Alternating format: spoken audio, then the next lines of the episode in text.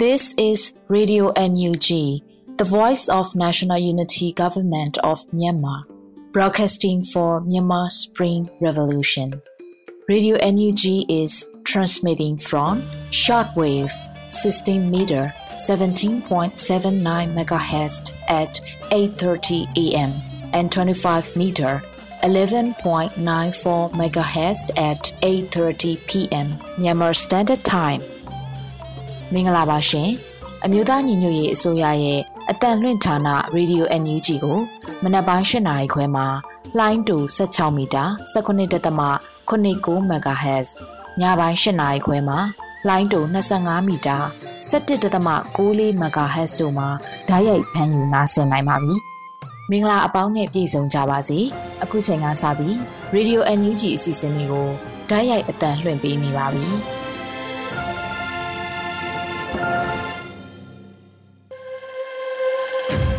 မြန်မာနိုင်ငံသူနိုင်ငံသားအပေါင်းတဘာဝပြီးစစ်အာဏာရှင်ဘေးတို့ကနေကင်းဝေးပြီးကိုစိတ်နှပါကြားမှလုံခြုံပေးကင်းကြပါစေလို့ Radio UNG အဖွဲ့သားများကဆုတောင်းမေတ္တာပို့သလိုက်ရပါတယ်ရှင်။အခုချိန်ကစပြီး Radio UNG ရဲ့ညနေခင်းအစီအစဉ်ပြည်တွင်းသတင်းများကိုရန်နိုင်ကဖတ်ကြားတင်ဆက်ပေးပါမယ်ရှင်။မင်္ဂလာပါခင်ဗျာ။အခုချိန်ကစပြီး Radio UNG ညခင်းသတင်းတွေကိုဖတ်ကြားတင်ပြပေးပါရမယ်ခင်ဗျာအခုတင်ပြပေးမယ့်သတင်းတွေကတော့ Radio NUG သတင်းတာဝန်ခံတွေနဲ့ခိုင်လုံတဲ့မိဘသတင်းရင်းမြစ်တွေကအခြေခံထားတာဖြစ်ပါတယ်ကျွန်တော်ကတော့ရန်နိုင်ပါ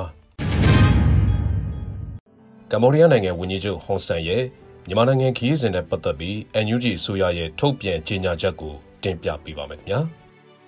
ဇန်နဝါရီလ9ရက်မှ10ရက်တွင်မြန်မာနိုင်ငံသို့လာရောက်ခဲ့တဲ့ ကမ္ဘောဒီးယားနိုင်ငံဝန်ကြီးချုပ်ဟွန်ဆန်ရဲ့ခီးစဉ်နဲ့ပတ်သက်ပြီးပြည်ထောင်စုသမ္မတမြန်မာနိုင်ငံတော်မြို့သားညီညွတ်ရေးအစိုးရက2022ဇန်နဝါရီလ10ရက်နေ့ရက်စွဲဖြင့်ကြီးညာချက်အမှတ်တင်မြင့်ဆောင်2022ကိုထုတ်ပြန်ကြေညာလိုက်ပါတယ်။အဲဒီကြေညာချက်အပြည့်စုံမှာကမ္ဘောဒီးယားနိုင်ငံဝန်ကြီးချုပ်ဟွန်ဆန်၏2022ခုနှစ်ဇန်နဝါရီလ9ရက်မှ10ရက်တွင်မြန်မာနိုင်ငံသို့လာရောက်ခဲ့သည့်ခီးစဉ်အပေါ်ထုတ်ပြန်ကြေညာချက် ကမ္ဘောဒီးယားနိုင်ငံဝန်ကြီးချုပ်နှင့်အာဆီယံအလှည့်ကျဥက္ကဋ္ဌဖြစ်သည့်ဟောင်ဆန်သည်2022ခုနှစ်ဇန်နဝါရီလ9ရက်မှ10ရက်အထိမြန်မာနိုင်ငံသို့လာရောက်၍နေပြည်တော်၌အကြမ်းဖက်စစ်ကောင်းဆောင်မင်းအောင်လှိုင်နှင့်တွေ့ဆုံခဲ့မှုပေါ်မိမိတို့အမျိုးသားညီညွတ်ရေးအစိုးရ NUG အနေဖြင့်လွန်စွာစိတ်ပြတ်မိပါသည်မြန်မာနိုင်ငံအရေးတွင်ထဲထဲဝင်ဝင်ပါဝင်လာခဲ့သည့်ဝန်ကြီးချုပ်ဟွန်ဆန်အနေဖြင့်မြန်မာငြိမ်းချမ်းရေးနှင့်ဒီမိုကရေစီအရေးတို့နှင့်ပတ်သက်၍ ပြက်ပြက်သားသားဆုံးဖြတ်ချက်ကိုထုတ်ပြန်တင်ပါကြောင်းသို့မဟုတ်ရင်ဝန်ကြီးချုပ်ဟွန်ဆန်ဒီလည်းမင်းအောင်လှိုင်ဤလွှမ်းမိုးချေလှယ်မှုကိုခံနေရသူတဦးနေဖြင့်သာပြည်သူကတတ်မှတ်လိမ့်မည်ဖြစ်ပါသည်ဝန်ကြီးချုပ်ဟွန်ဆန်အနေဖြင့်မြန်မာနိုင်ငံသို့ခရီးစဉ်လာရောက်ခြင်းသည်နှစ်နိုင်ငံဆက်ဆံရေးအရသာဖြစ်ပြီးအကြမ်းဖက်စစ်အုပ်စုအားအတိမတ်ပြုလာရောက်ခြင်းမဟုတ်ကြောင်းဖော်ပြထားတော်လဲအာဆီယံဖွဲ့ဝင်နိုင်ငံအများစု၏ထောက်ခံမှုမပါဘဲ အာဆီယံဘုံသဘောတူညီချက်၅ချက်ကိုသွေးဖဲ၍လူမျိုးရေးတပ်ဖြတ်မှုများကိုပြောင်ပြောင်တင်းတင်းချိုးဖောက်နေသည့်အကြမ်းဖက်စစ်အုပ်စုအားလာရောက်တွေးဆုံညှိနှိုင်းခဲ့ပြီးအာဆီယံအဖွဲ့ကြီး၏စီးလုံးမှု အခွင့်အာဏာကိုအဟံအတားဖြစ်စေခဲ့ပါသည်ထို့တူဝင်းကြီးချုပ်ဟော်ဆန်နေဖြင့်လည်းအကြမ်းဖက်စစ်အုပ်စု၏ချဲလဲရန်ပြစ်မှတ်တစ်ခုဖြစ်လာခဲ့သည်ဇန်နဝါရီလ9ရက်နေ့တွင်ထုတ်ပြန်ခဲ့သောဘုံသဘောတူညီချက်နှင့်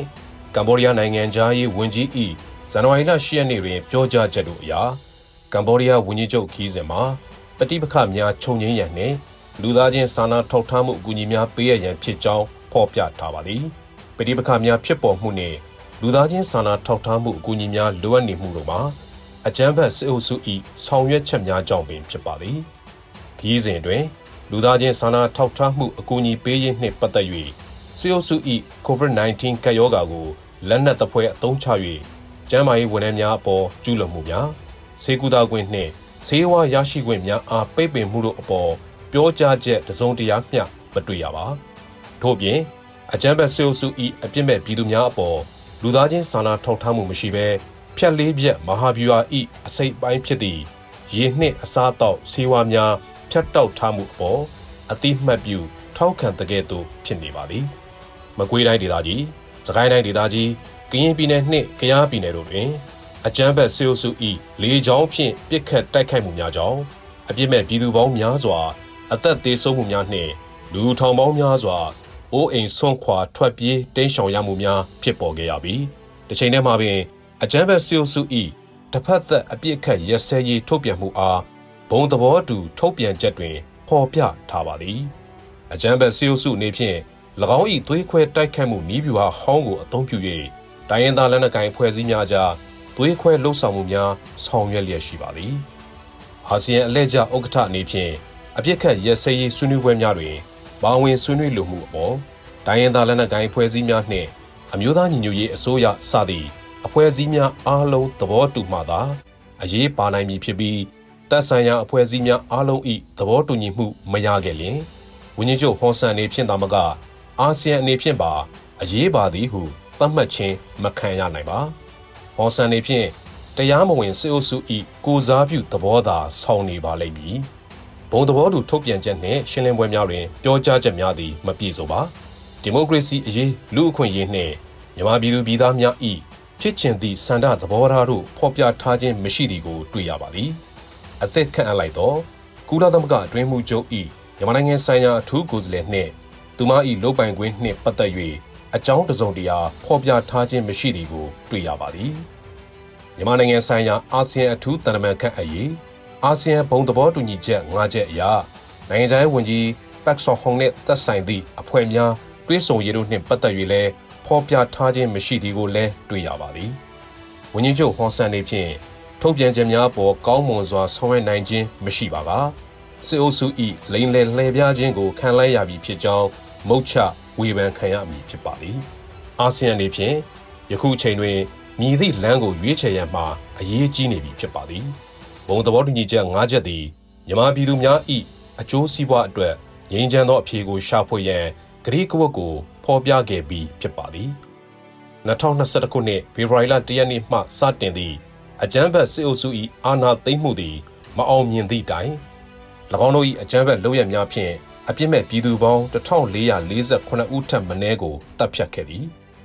အကြမ်းဖက်စစ်အုပ်စု၏လှုံ့ဆော်မှုများကြောင့်ပေါ်ပေါက်လာရသော နိုင်ငံရေးစီးပွားရေးနှင့်လူသားချင်းစာနာထောက်ထားမှုအကြက်တဲများသည်၎င်းတို့၏ပြုမှုနှင့်ပေါင်းဆက်ခါအကြမ်းဖက်ဖွဲ့စည်းတရက်အဖြစ်ဒေသတွင်းလုံခြုံရေးနှင့်အာဆီယံဖွဲ့ဝင်နိုင်ငံများနှင့်၎င်းတို့၏ပြည်သူများ၏အကျိုးစီးပွားတို့အပေါ်တီးမာသောချင်းကြောက်မှုတရက်ဖြစ်လာလျက်ရှိသည်2021ခုနှစ်ထိပ်သီးအစည်းအဝေးများမှ အကြမ်းဖက်ဆီယိုစု၏ကိုယ်စားလှယ်များကိုဖယ်ထုတ်ရန်အာဆီယံ၏ဆုံးဖြတ်ချက်သည်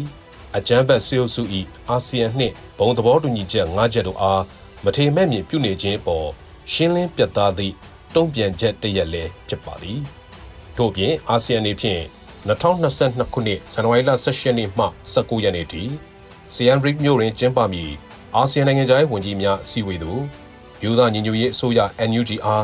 မြန်မာနိုင်ငံ၏တရားဝင်ကိုယ်စားလှယ်အဖြစ်တက်ရောက်နိုင်ရန်အတွက်ဖိတ်ကြားနိုင်ရေးကိုလည်းအကောင့်အထည်ဖော်ရမည်ဖြစ်ပါသည်အမျိုးသားညီညွတ်ရေးအစိုးရ NUG အနေဖြင့်လည်းဘုံသဘောတူညီချက်၅ချက်နှင့်အညီဒီမိုကရေစီစနစ်ပြန်လည်ထူထောင်ရန်အကြမ်းဖက်ဆီယုပ်စု၏ရက်ဆက်ကြမ်းကြုတ်သောရာဇဝတ်မှုများကိုအဆုံးသတ်ရနှင့်မြန်မာနိုင်ငံတွင် အကူအညီလိုအပ်နေသူအားလုံးကိုလူသားချင်းစာနာထောက်ထားမှုဆိုင်ရာအကူအညီများအရေးတကြီးပံ့ပိုးပေးနိုင်ရလို့အား အာဆီယံနှင့်အတူဆက်လက်ပူးပေါင်းလှုပ်ဆောင်သွားမည်ဟုကတိပြုပါသည်အမျိုးသားညီညွတ်ရေးအစိုးရ NUG သည်အာဆီယံလက်ကျဥက္ကဋ္ဌ၏မြန်မာနိုင်ငံဆိုင်ရာအထူးတန်တမန်အသစ်နှင့်လည်းထိတွေ့ဆက်ဆံရန်အသင့်ရှိနေပါသည်ကုလသမဂ္ဂလုံခြုံရေးကောင်စီအထွေထွေညီလာခံနှင့်အထွေထွေတွင်းမှုချုပ်စသည်တို့ကအတိအမှတ်ပြုထားသည့်နိုင်ငံတော်သမ္မတဦးဝင်းမြင့်နှင့်နိုင်ငံတော်၏အတိုင်ပင်ခံပုဂ္ဂိုလ်ဒေါ်အောင်ဆန်းစုကြည်တို့အပါအဝင် NUG ခေါင်းဆောင်များနှင့် လူချင်းတွဲဆုံမှုများအားအကောင့်ထဲပေါ်ဆောင်ရွက်သွားရမည်ဖြစ်ပါသည်ဟုဖော်ပြပါရှိပါလေခင်ဗျာဒေါ်ဆန်းစုကြည်ကို ထောင်ထက်ချတာဟာမြန်မာပြည်သူတွေရဲ့ဆန္ဒကိုထပ်မံတိုက်ခိုက်လိုက်တာလို့ HRW ပြောကြားလိုက်တဲ့သတင်းကိုလည်းဆက်လက်တင်ပြပေးပါမယ်ခင်ဗျာဒေါ်ဆန်းစုကြည်ကိုထောင်ဒဏ်တွေထက်ချလိုက်တာဟာမြန်မာပြည်သူတွေရဲ့ဆန္ဒကိုစစ်တပ်ကထပ်မံထိပါတိုက်ခိုက်လိုက်တာလို့လူခွင့်ရေးစောင့်ကြည့်မှုအဖွဲ့ HRW ရဲ့ အာရှဆိုင်ရာဒုတိယညွှန်ကြားရေးမှူး Phil Robertson ကပြောကြားလိုက်ပါတယ်။ထောင်ဒဏ်နှစ်နှစ်ပြစ်ဒဏ်ချပြီးဖြစ်တဲ့ဒေါ်ဆန်းစုကြည်ကိုမနေ့ကဇန်နဝါရီလ10ရက်နေ့မှာနေပြည်တော်အထူးတရားရုံးက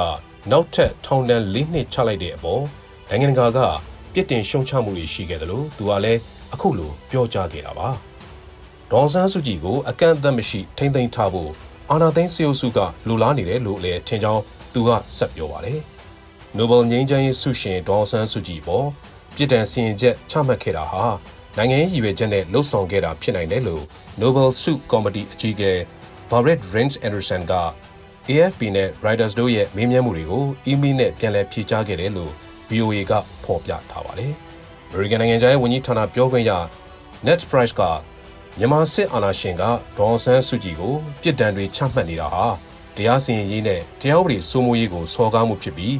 ဒေါ်ဆန်းစုကြည်နဲ့တခြားသောရွေးကောက်ခံခေါင်းဆောင်တွေအပါအဝင်မတရားဖမ်းထားသူအားလုံးကိုချက်ချင်းပြန်လွှတ်ပေးဖို့တောင်းဆိုတယ်လို့ဇန်နဝါရီလ10ရက်နေ့ကပြောကြားခဲ့ပါတယ်။အခုလိုဒေါ်ဆန်းစုကြည်ကိုထောင်ဒဏ်ချတာနဲ့ပတ်သက်ပြီးဒီလောက်ရဟာမှန်ကန်တဲ့လောက်ရမဟုတ်ကြောင်းကုလသမဂ္ဂကလည်းဆိုပါတယ်။ကုလသမဂ္ဂအတွင်းမှုချုပ်ရဲ့ပြောရေးဆိုခွင့်ရှိသူစတေဖန်ဒူဂျရစ်ကဇန်နဝါရီလ10ရက်နေ့နယူးယောက်မြို့ကုလရုံးချုပ်မှာပြုလုပ်တဲ့သတင်းစာရှင်းလင်းပွဲမှာ မတရားဖမ်းဆီးထားသူအားလုံးကိုချက်ချင်းပြန်လွှတ်ပေးဖို့ထပ်မံတောင်းဆိုကြောင်းပြောခဲ့ပါတယ်။စီယိုစုကဒေါ်ဆန်းစုကြည်ကိုအခုချိန်ထိအမှု73မှုနဲ့တရားစွဲထားပြီးအမှု9ခုအတွက်ထောင်ဒဏ်ချမှတ်ခဲ့ပြီးဖြစ်တယ်လို့လည်းသိရှိရပါတယ်ခင်ဗျာ။ NUG ရဲ့ပြည်ထောင်ဝင်ကြီးဌာနအထောက်အကူ People's Reporter အဖွဲ့အကြောင်းမိတ်ဆက်ပြောပြပေးခြင်းပါတယ်။အမျိုးသားညီညွတ်ရေးအစိုးရရဲ့ဝင်ကြီးဌာနအသီးသီးမှာ စေနာဝန်ထမ်းတွေ CDM ဝန်ထမ်းတွေနဲ့ဖွဲ့စည်းထားတဲ့အလုပ်အဖွဲ့တွေအများပြားရှိတဲ့တွေကပြည်သူတွေထံကသတင်းအချက်အလက်စုဆောင်းစစ်ဆေးပြီးဆိုင်ရာဝန်ကြီးဌာနတွေကိုသတင်းပို့အစီရင်ခံနေတဲ့သတင်းအဖွဲ့တွေလည်းရှိပါတယ်။အခုတင်ပြချင်တာက NUG ရဲ့ MOHAI ပြည်ထရေးနဲ့လူဝင်မှုကြီးကြပ်ရေးဝန်ကြီးဌာနရဲ့မူဝါဒလမ်းညွှန်ချက်များကိုလိုက်နာဖွဲ့စည်းထားတဲ့ People Reporter Facebook Page တစ်ခုပဲဖြစ်ပါတယ်။ သတင်းတွေကို Facebook မှာအများသူငါတွေတင်တာထက်မြန်မာပြည်ရင်းကပြည်သူတွေကတိုက်ရိုက်ပေးပို့တဲ့စစ်ကောင်စီလက်နက်ကင်တွေသတင်းပေးတွေရဲ့လှုပ်ရှားမှုတွေအခြေအနေတွေကိုစူးစောင်းသိမ်းဆည်းအစီရင်ခံတဲ့အလုပ်ကိုလုပ်တာလို့ဆိုပါတယ်။အဓိကကတော့ Facebook Messenger နဲ့ Chatbot ကနေသတင်းချက်လက်တွေစူးစီးသိမ်းဆည်းမှတ်တမ်းတင်ထားတာဖြစ်ပါတယ်။ MOHAI မှာ CDM ဌာနဆိုင်ရာအဖွဲ့အစည်းများအဖြစ်ပြည်သူ့ရဲတပ်ဖွဲ့မိသက်တပ်ဖွဲ့ ထွေအုပ်အဖွဲ့စတဲ့အုပ်ချုပ်ရေးဆိုင်ရာဒေသခံဖွဲ့စည်းမှုတွေတိုးချဲ့လုပ်နေကြသလိုဖော်ပြပါသတင်းစုဆောင်အစီရင်ခံတဲ့အဖွဲ့တွေလည်းလက်ပတ်နေတာကိုလည်းတွေ့ရှိရပါတယ်။ပြည်သူများအနေနဲ့ People's Reporter အဖွဲ့ရဲ့လှုပ်ရှားမှုတွေကိုလေ့လာခြင်းနဲ့ဒါမှမဟုတ်သတင်းတွေပေးပို့ခြင်းနဲ့ဆိုရင်တော့ https://www.facebook.com/reportermyanmar/ ကိုဝင်ရောက်လေ့လာနိုင်ပါကြောင်းမိတ်ဆက်တင်ပြလိုက်ပါတယ်ခင်ဗျာ။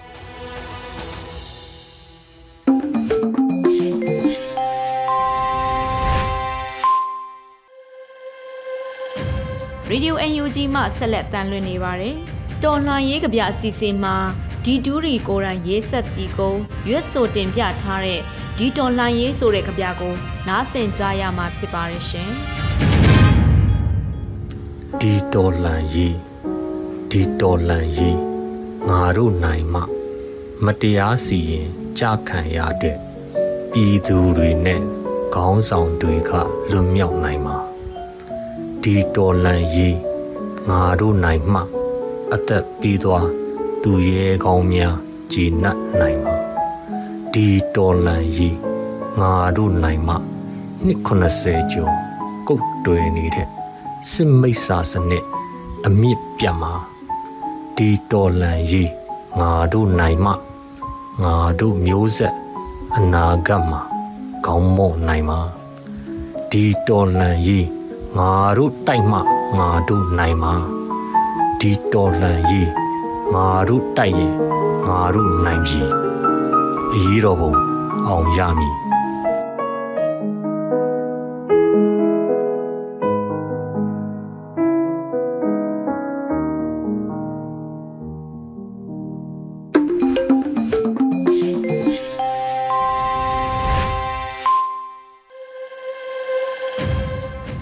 ဆက်လက်ပြီးစာရေးဆရာမောင်စွမ်းရည်ရေးသားတဲ့ကြပြဆရာကြီးမင်းသူဝင်ဘိုးချုပ်အောင်ဆန်းနဲ့ဒေါ်အောင်ဆန်းစုကြည်အမည်ရမိုးမခဆောင်းပါးကိုဘုံမြတ်နွေဦးကဖတ်ကြားတင်ဆက်ပေးမှာဖြစ်ပါတယ်ရှင်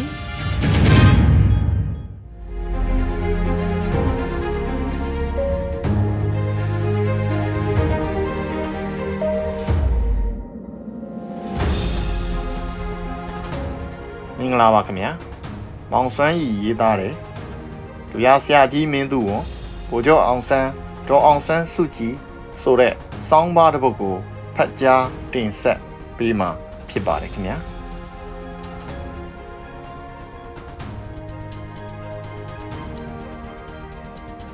ကြပြဆရာကြီးမင်းသူဝန်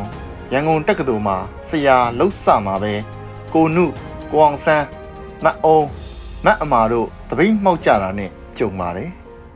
ကျောင်းသားတပိတ်စခန်းကရွှေတကုံမှာဖြစ်ပါတယ်။ဆရာဇော်ကြီးနဲ့ဆရာမင်းသူဝန်ခစ်ဆန်းကြပြဆရာခေါင်းဆောင်နှစ်ဦးကကျောင်းသားတွေတပိတ်မှောက်တဲ့နေရာကိုတွားပြီးအားပေးစကားပြောကြားကြပါတယ်။တပိတ်မှောက်ကျောင်းသူမတ်အမာကသူ့ရဲ့အမှတ်တရစာအုပ်လေးထဲမှာအမှတ်တရရေးပေးခဲ့ပါဆိုလို့ဆရာတို့ကစာတူစာစလေးတွေရေးပေးခဲ့ရတယ်။လွတ်လပ်ရေးရကန်ဤအစိုးရအဖွဲ့မှာ ဗိုလ်ချုပ်အောင်ဆန်းဝင်းကြီးတာဝန်ယူရတော့အစည်းအဝေးတွေမှာဆရာမင်းသူဝန်ဆရာဇော်ကြီးမောင်ထင်းစတဲ့စာရေးဆရာတွေနဲ့အတွင်းဝင်ရုံးမှာစုံတတ်တယ်။လူကြီးတွေကတော့ဒီတို့ဥပချိုပါတာပေါ့။ဒီလိုစုံကြတော့အတွင်းဝင်ရုံးဝရဏာမှာထွက်ရက်ပြီးအညောင်းဖြေကြရင်ထွေရာလေးပါးစကားတွေပြောကြတော့ဗိုလ်ချုပ်အောင်ဆန်းကကျွန်တော်လဲမြန်မာပြည်လွတ်လပ်ရေးရပြီးရင်နိုင်ငံရေးကထွက်ပြီးဆရာတို့နဲ့အတူစာရေးမယ်လို့ပြောဘူးတဲ့။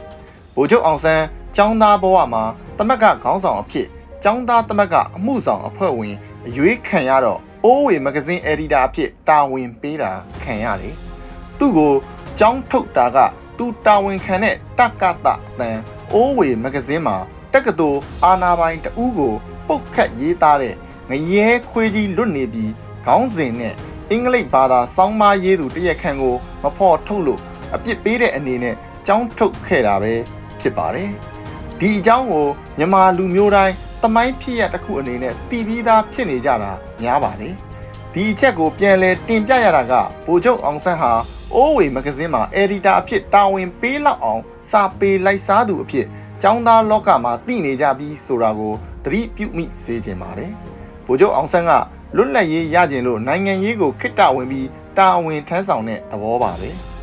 အိုးဝေမဂဇင်းနဲ့တက္ကသိုလ်ကျောင်းတိုက်မဂဇင်းဟာကျောင်းသားတွေရဲ့မဂဇင်းတွေပါ။ဒီမဂဇင်းနှစ်ခုလုံးမှာဆရာမင်းသူဝန်ကြပြာတွေရေးခဲ့တာကိုဆရာရဲ့ကြပြာဘောင်းကျုပ်တွေမှာကြည့်ရင်သိနိုင်ပါတယ်။ဆရာကသူ့ကြပြာတွေကိုလုံးချင်းစာအုပ်အဖြစ်စုပေါင်းမထုတ်ခင်မှာမူလကဘဲစာဆောင်တွေမှာဖော်ပြခဲ့တယ်ဆိုတာကိုစနစ်တကျအမှတ်အသားထည့်ရေးပေးလိရှိပါတယ်။တက္ကသိုလ်မဂဇင်းတွေမှာဆရာတို့မပြတ်ရေးကြပါတယ်။ကျောင်းသားတွေလည်း တီးဖြတ်ထုတ်ဝေတဲ့မဂဇင်းတွေမှာလည်းဗြိတိရှအစိုးရလက်ထက်မှာအစိုးရအမှုတန်းဆရာတွေဝင်ရေးလိရှိပါတယ်။စစ်အစိုးရလက်ထက်မှာတော့မလွယ်ဘူးပေါ့။ဥအောင်တင်းတောင်သူ့တပည့်တွေထုတ်ခဲ့တဲ့နယံကတ်စာဆောင်မှာဆိုထင်ပါရဲ့ပုံနှိပ်စာမဟုတ်ဘူးအဲ့ဒီမှာပဲရေးမိလို့အရေးယူခံရတယ်လို့ကြားဘူးလိုက်ပါတယ်ကျွန်တော်တို့ခေတ်မှာတက္ကသိုလ်ကျောင်းတိုက်မဂဇင်းကိုအစင်အလာရအစိုးရအသိအမှတ်ပြုမဂဇင်းတွေမှာတော့ ဆရာတွေဝင်ရေးကြပေမဲ့အိုးဝေလိုကျောင်းသားထုတ်မှာမရေးရဲခဲ့ကြရှာပါဆရာမင်းသူဝန်ဘိုးအောင်ကျော့နတ်တန်ဆိုတဲ့ကျောင်းသားအာဇာနီဟာအင်္ဂလိပ်လက်ထက်မှာအင်္ဂလိပ်အစိုးရရဲ့ပလိတ်တွေကနံပါတ်ထုံးနဲ့ရိုက်လို့ကြာဆုံးခဲ့ရသူပါဒါပေမဲ့အောင်ဆန်းအကြောင်းကိုသာမလွဲတာလို့ခွင့်ပြုရပေမဲ့ကျောင်းသားကဏ္ဍကိုဖော်ထုတ်ရင်သိမကြိုက်ချင်ဘူးပါဒါကြောင့်ဘိုးနေဝင်းခင်မှာဘိုးချုပ်အောင်ဆန်းရဲ့ဓာတ်ပုံတွေကို ကျောင်းနံရံရုံးနံရံတွေကဖြုတ်ချခဲလိုက်ရပါသေးတယ်ဆရာကြီးမင်းသူဝင်ကတော့ဘိုးချုပ်တို့အကြောင်းကိုကြုံတယ်လို့ရေးပါတယ်အိုးဝေဆိုတာလဲကျောင်းသားသမက်ကရဲ့ဒေါင်းကိုရည်ညွှန်းတာပါပဲအိုးဝေကြပြားတွေကိုကျောင်းသားမဂ္ဂဇင်းတော်တော်များများမှာမကြာခဏရေးဖွဲ့ထည့်သွင်းဖော်ပြခဲ့ဘူးတာတွေ့ရပါတယ်ဒီလိုအကြောင်းအရာတွေကိုကျွန်တော်ဘာကြောင့်ဖော်ထုတ်ရေးသားနေတာလဲလို့မေးစရာပါ ခေစန်းစာဆိုတဦးအကြောင်းကိုခုကျွန်တော်ရေးတာကသူများတွေမရေးသေးတဲ့ရှုထောင့်ကဖြစ်ပါတယ်ကျွန်တော်တို့ခစ်ပြိုင်လူငယ်ကြပြားဆရာတချို့ကခေစန်းစာဆိုခေစန်းစာပေအကြောင်းကိုကျွန်တော်တို့သုံးသပ်ချက်ရေးရင်ခေစန်းစာဆိုတွေဟာအင်္ဂလိပ်အစိုးရကိုတိုက်ခိုက်တဲ့ကြပြားမျိုးတွေရဲရဲမရေးခဲ့ဘူးဒါကြောင့်အမွန်းတင်ရေးနေစရာမလိုဘူးသူတို့ဟာအမှုပညာတဲ့အမှုပညာအတွက်ဆိုတဲ့စာပေခိုင်းကပုံကိုယ်တွေပါလို့ဆိုလေးရှိပါတယ် ခေတ်လူငယ်တွေကအစိုးရကိုတိုက်ခိုက်ရေးတာမျိုးဖြုတ်ဟချဟတော်လန်ကြ စသည်ဖြင့်ဓာတ်ရိုက်ကျုံဝါကျိမ်းမောင်းတာမျိုးပါတချို့ကစဲတန်တောင်ပါလို့ကြပြာမဆန်လာပါဘူးဆန္ဒပြကျွေးကြော်တမ်းများအဖြစ်တန်မိုးထားเสียဖြစ်ပေမဲ့စာပေသမိုင်းကအစဉ်ပါဝင်တည်တဲ့နိုင်မဲ့ကြပြာမျိုးတွေတော့မဟုတ်ပါဘူးဆရာကြီးမင်းသူဝန်ကဗိုလ်ချုပ်အောင်ဆန်းတို့နဲ့ပတ်သက်တဲ့ကြပြာကိုဆရာကြီးရဲ့အင်းယားကန်တို့အိုဂိုတို့ကြပြာပေါင်းချုပ်ထဲမှာ တွေ့နိုင်ပါတယ်အာဇာနီအလေးပြုငါတို့အတွက်ကို့အသက်ကို မကွက်မညာစွန့်ရှာကြသည်ဇာနီຫນွယ်ဘွားသူတို့အားလျင်ညှစ်တွားသမှု အလေးပြု၍တာဒုနုမော ကောင်းချီခေါ်သည်6ဖော်နက်ကကြားစီတော့၄ရက်တလ1953ခုနှစ်ကကြပြဖြစ်ပါတယ်နောက်တစ်ပုတ်ကတော့ ဂျပန်ကဗမာလူငယ်တွေထုတ်ခဲ့တဲ့အမှတ်စဉ်84 2008ဖေဖော်ဝါရီ17ရက်ထုတ်အာဟာရစာဆောင်မှာတွေ့လို့ကျွန်တော်ဖြတ်ယူထားတဲ့ကြပြပါသူတို့ကဆရာစီကိုတောင်းလို့ဆရာကအတိအေးပေးထားတာလားတခြားစာနယ်ဇင်းတစ်ခုကကူးယူဖော်ပြတာလားဆိုတာရေးမထားပါစာဆောင်ကတော့ဖေဖော်ဝါရီ23ရက်တွင်ကြာရောက်သည့်ဗိုလ်ချုပ်အောင်ဆန်း၏63နှစ်မြောက်မွေးနေ့အတွက်လို့ရည်ညွှန်းထားပါတယ်အဲ့ဒီကြပြကတော့ဗိုလ်ချုပ်အောင်ဆန်း တိတ်နှင့်ပြစ်စုံပံမတိ၍ဆိုမလို၍ပြော သူ့စိတ်မှာအလွန်ရင်လို့သူ့ညင်မှာအလွန်တန့်တယ်ထူးကြွန့်သဘောမတိ၍ထင်မမြင်၍ပြောသူ့ဝိညာဉ်မသေးပြောက်ပါဘူးမိုးပေါက်လိုအစဉ်ကြည်တို့နေကြီးကိုအစဉ်လန်းကဖြန်းစွတ်စိတ်စောမင်းသူဝန်ဆရာကြီးကဘာပဲရေးရေးရက်ဆွဲတက်နေကြပါဒီကြပြာမှာရက်ဆွဲမပါတာက တနေ့ရရမှာတယောက်ယောက်ဖြုတ်ခဲ့လို့ဖြစ်မယ်ထင်ပါတယ်တခါတရံစာစီသမားလဲနေရမဆန့်လို့ဖြုတ်ခဲ့တတ်ပါတယ်ဒီကြပြာမှာအောက်ကနေရအကျယ်ကြီးမင်းသူဝန်ရဲ့နာမည်ကိုရိုက်ထားတာလဲအကြီးကြီးရှိနေတယ်မဆန့်လို့ရက်ဆွဲဖြုတ်ခဲ့တာဟုတ်ဟန်မတူပါဒီကြပြကျွန်တော်ယူထားတဲ့အာဟာရစာဆောင်ဂျပန်ကိုကြည့်ရပြောတာဖြစ်ပါတယ်ဆရာကြီးမင်းသူဝန်ဟာဗိုလ်ချုပ်အောင်ဆန်းကိုအလွန်လေးစားခင်မင်ပါတယ်ရှစ်လေးလုံးအရေးတော်ပုံကာလမတိုင်ခင်ကလေးက ဆရာကြီးဟာတဘိုရဲလာရောက်တိုင်းထမနေပွဲလှုပ်လေရှိပါတယ်စာပေသမားတပည့်တွေနဲ့အလွန်စီကားပြီးပျော်စရာကောင်းလာပါတယ်ဒါပေမဲ့ဆရာကြီးကိုဘိုးနေဝင်းကညူစုတာကိုသိတော့တချို့အစိုးရဝန်ထမ်းတပည့်တွေဆရာကြီးမင်းသူဝင်ရဲ့အိမ်ကိုမလာရဲကြတာတော်တော်များပါတယ်မန္တလေးကဆင်းလာကြတဲ့စာပေသမားတွေတဲ့တင်မိုးမောင်စန်းရီတို့ဟာအစိုးရဝန်ထမ်းတွေဖြစ်ပေမဲ့ဝန်ထမ်းမဟုတ်တဲ့မောင်တာနိုးမောင်မိုးသူတို့နဲ့အတူမပြတ်မကွက်လာကြပါတယ် ဆရာကြီးခင်မောင်လက်ဒေါခင်မျိုးချစ်အိမ်ကထမနေပွဲလာတဲ့လူအတိုက်ကအမြဲလာပါတယ်ဆရာမင်းသူဝန်ကထမနေပွဲနီးရင်မောင်စွမ်းရီ33စာရေးဆရာတွေစီကားချိန်တွားပြီးဖြိုးဟစ်ချီကွာလို့ခိုင်းတတ်ပါတယ်ဒေါအောင်ဆန်းစုကြည်လည်းသူရန်ကုန်မှာနေပြီးဆိုကလေးကဥက္ကမောင်လက်ဒေါခင်မျိုးချစ်တို့နဲ့ထမနေပွဲရောဆရာကြီးမင်းသူဝင်အိမ်ကထမနေပွဲကိုရောလာရောက်လေရှိပါတယ်ဒေါအောင်ဆန်းစုကြည်နိုင်ငံရေးလှုပ်ရှားမှုတွေကိုဝင်လာတော့ ဆရာကြီးမင်းသူဝန်ကကမာရွတ်မြို့နယ်ကဝင်ရောက်အရွေးခံလို့အမတ်ဖြစ်ပူးခဲ့ပေမဲ့စစ်တပ်ကထပ်ပြီးအာဏာသိမ်းလိုက်ပြန်တော့ဆရာကြီးမှာလွတ်တော်မဲ့အမတ်ဖြစ်ခဲ့ရရှာပါသေးတယ်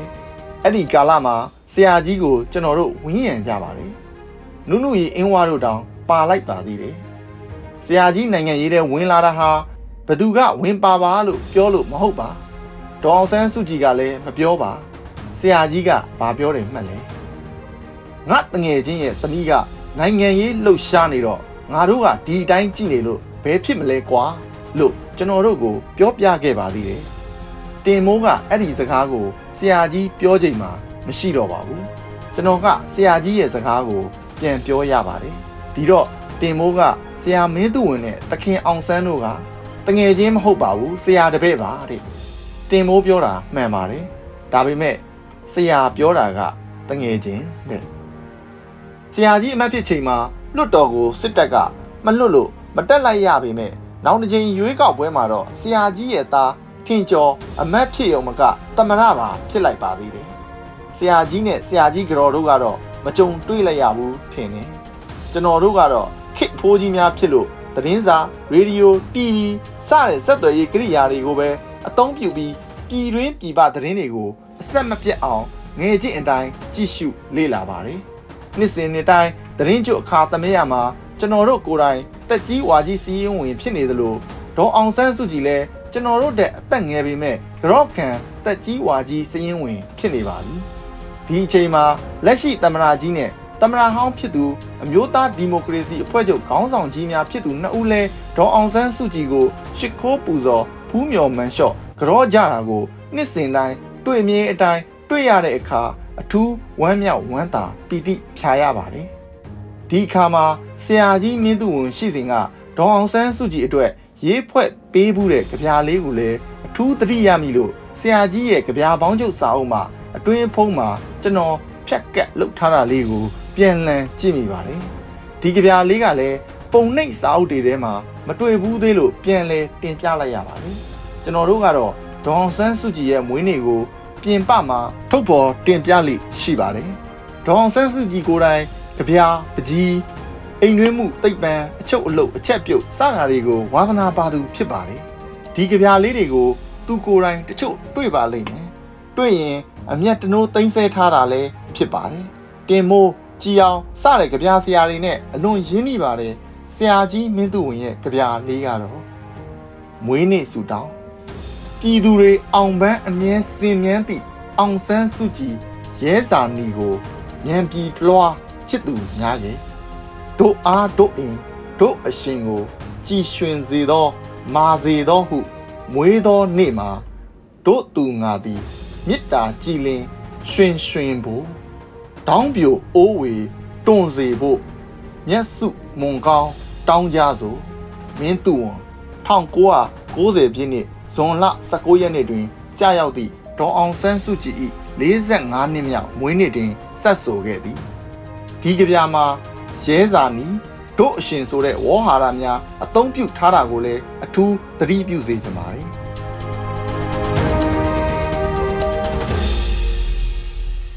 တရားမှုကိုစန့်ကျင်သောရေဦးပန်းများ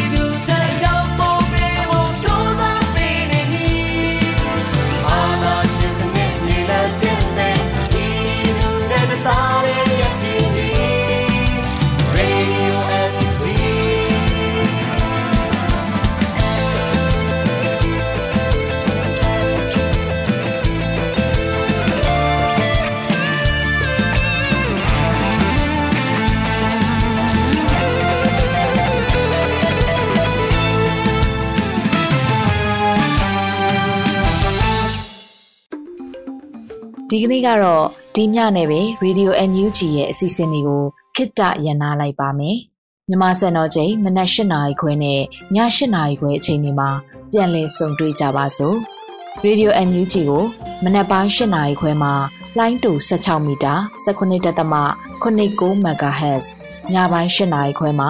လိုင်းတူ25မီတာ17တက်သမ64 MHz တို့မှာဓာတ်ရိုက်ဖမ်းယူနားဆင်နိုင်ပါပြီ။မြန်မာနိုင်ငံသူနိုင်ငံသားတွေ ကိုစိတ်နှပြကျမ်းမာချမ်းသာလို့ဘေးကင်းလုံခြုံကြပါစေလို့ Radio NUG အဖွဲ့သူအဖွဲ့သားတွေကဆုတောင်းမေတ္တာပို့သလိုက်ရပါတယ်။ San Francisco Bay Area အခြေစိုက်မြန်မာမိသားစုတွေနဲ့နိုင်ငံတကာကစေတနာရှင်လှုပ်အားပေးတွေရဲ့ Radio NUG ဖြစ်ပါတယ်။အရေးတော်ပုံအောင်ရမည်